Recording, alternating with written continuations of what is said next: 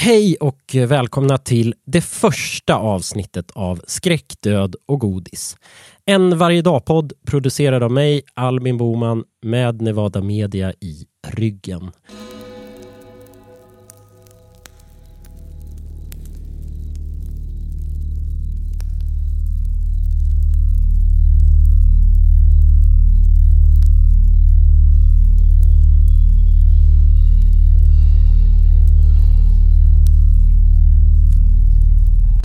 En av anledningarna till att jag älskar Halloween är att jag får anledning att göra just det här. En enmanspodd där jag får prata om exakt vad jag vill och exakt vad just jag gillar.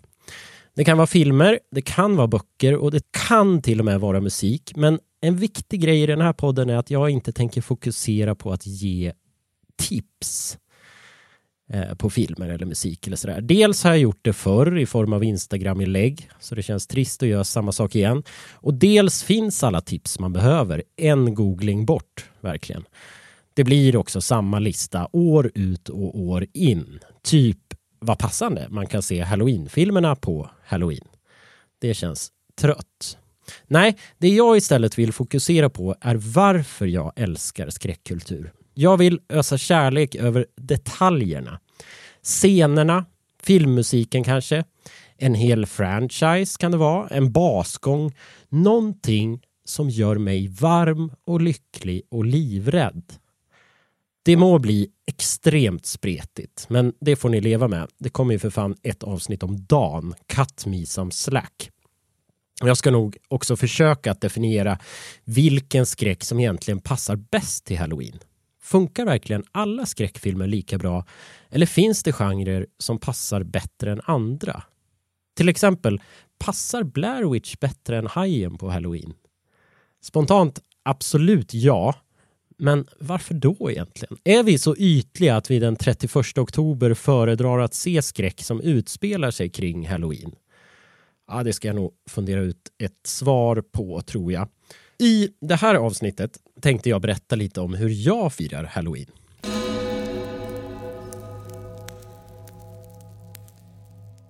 Några dagar före halloween brukar jag och min dotter Ebba göra något slags pyssel. Ju hemskare, desto bättre. Ett år gjorde vi en liten modell av huset i Evil Dead. Att det var just det huset gick över huvudet på Ebba. Hon hade inte sett Evil Dead vid fem års ålder.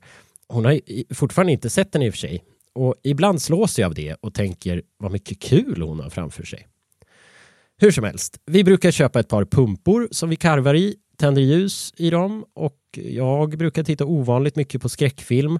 Och det gör jag ensam på grund av att min fru Sofia inte gillar skräck. Hon är däremot ett geni när det kommer till att pynta och har samlat på sig jättemycket fint plastpynt genom åren som vi tjoffar upp.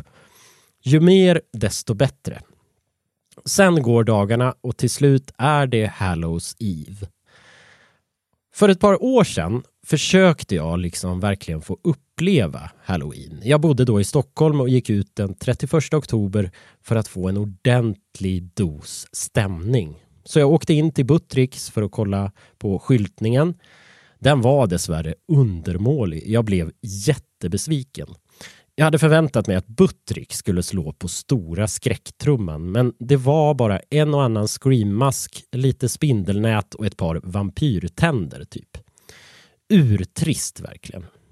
Jag gick till NK för att få uppleva deras skyltning men chi fick jag. De ägnar sig tydligen bara åt bombastisk julskyltning. Lågprisbutiken TGR var slutligen vinnaren. De hade bäst skyltning. Även om den inte var överdådig. Så besviken åkte jag tillbaka till Fredhäll där jag bodde. Kanske skulle jag få se några utklädda ungar åtminstone som trick or treatade, men nej. Det var bara mörkt, blåsigt, kallt och tomt. Folk joggade förbi i träningskläder. Så jag gick hem och såg Blair Witch Project för kanske 30 gången, la upp stories från filmen på Instagram och drack några öl i min ensamhet. För grejen är att jag inte känner någon som delar min fascination för halloween riktigt. Jag har nämligen en önskan om att halloween ska vara mer som i USA. Storslaget, alla dekorerar, grannar överträffar varandra. Alla barn klär ut sig och trick or treatar. Påkostade filmer har premiär och så vidare. Det är sådär storslaget och pompöst som det bara är i USA. Och samtidigt handlar högtiden om förruttnelse, död, blod och skräck. Det är underbara kontraster. Min dotter älskar i och för sig halloween och det gör mig lycklig men hon är fortfarande lite för ung för att se Evil Dead.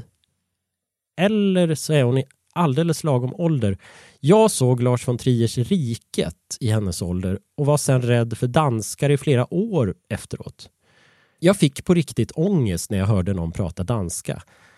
Samma sak med Dracula-filmen från 1992 och Djurkyrkogården från 89. Och jag läste också Stephen Kings Det i 11-årsåldern. Alla de där skräckfyllda upplevelserna formade mig och gjorde att jag började älska skräckkultur. Kanske var det traumatiskt för mig att se de där filmerna och läsa de där böckerna som barn.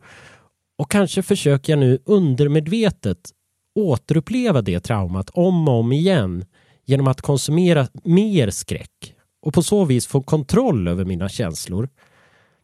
Eller så vill jag helt enkelt kontrollera rädslan.